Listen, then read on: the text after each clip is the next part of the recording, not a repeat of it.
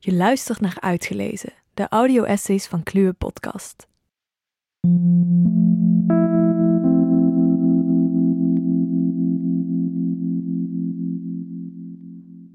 Bij Uitgelezen vind je audioversies van filosofische essays die wij de moeite waard vinden.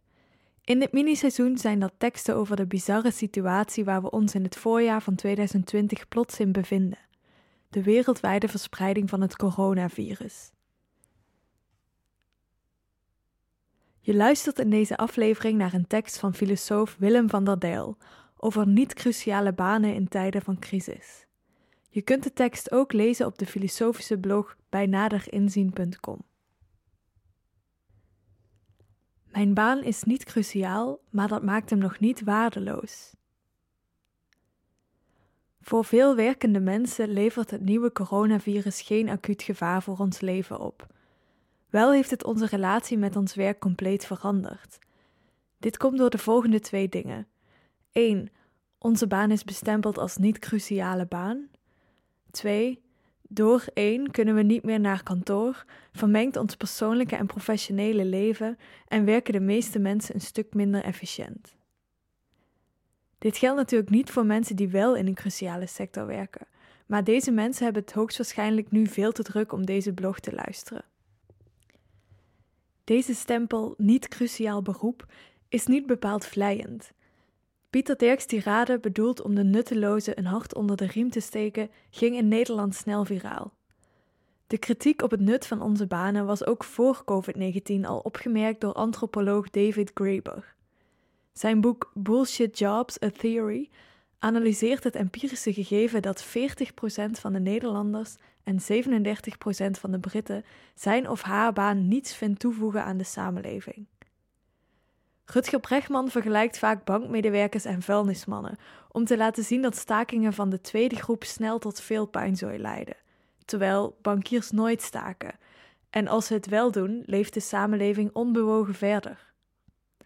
De bijdrage van vuilnismannen, stelt Brechtman, is dus veel groter dan die van bankiers.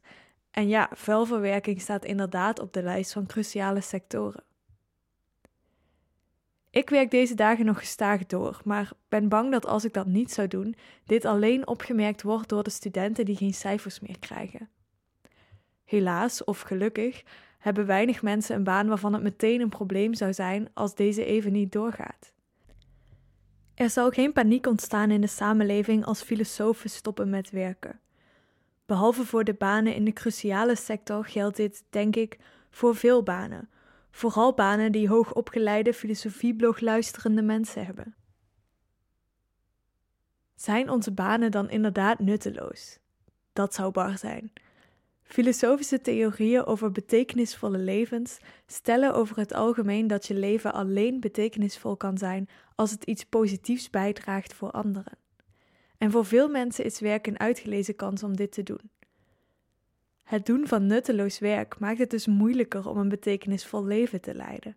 Want als ons werk nutteloos is, zouden we al onze positieve bijdrages aan de levens van anderen in onze vrije tijd moeten ondernemen.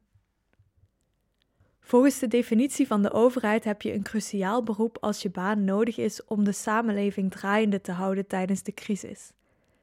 Dit is uiteraard belangrijk en het hebben van een cruciaal beroep is duidelijk een teken dat je werk waardevol is. Maar wat hier mist is de observatie dat niet cruciaal iets heel anders is dan niet waardevol. Veel waardevolle dingen die mensen voor elkaar doen zijn niet essentieel. Juist quarantaine laat zien dat non-essentiële goederen en diensten waardevol zijn. Ik mis uit eten kunnen gaan, een drankje drinken op een terras, reizen en ik mis dat mijn haar goed zit, of in ieder geval beter dan dat het nu zit. Het sluiten van de horeca en kappers leidt nog niet tot wanhoop. En het niet naar de kroeg kunnen gaan zien velen van ons als een offer dat we graag maken to flatten the curve. Maar een leven zonder deze geneugten smaakt toch een beetje flauw. Veel werk draagt iets belangrijks bij, al lijkt het soms zo indirect. Filosofie valt, hoop ik, bij uitstek in deze hoek, waardevol maar niet cruciaal. Filosofische reflectie helpt ons om de wereld, onszelf, moraliteit en waarde beter te begrijpen. Filosofie lijkt daarmee op het drankje op het terras. Niet strikt noodzakelijk, maar zonder is het leven iets leger. Cruciaal werk is duidelijk waardevol en betekenisvol. De oproep om iets te doen aan het feit dat juist de mensen met deze banen vaak onderbetaald zijn, lijkt me dan ook helemaal terecht. Maar een samenleving met alleen maar cruciaal werk is een flauwe samenleving, een samenleving in permanente quarantaine.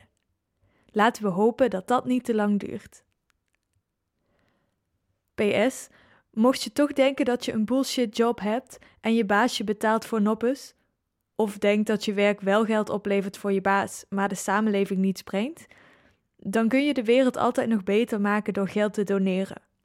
Volgens de effectief altruïsten van 80.000 Hours is voor veel mensen het belangrijkste wat ze kunnen doen in hun werk simpelweg geld verdienen, om het vervolgens weg te geven aan belangrijke doelen.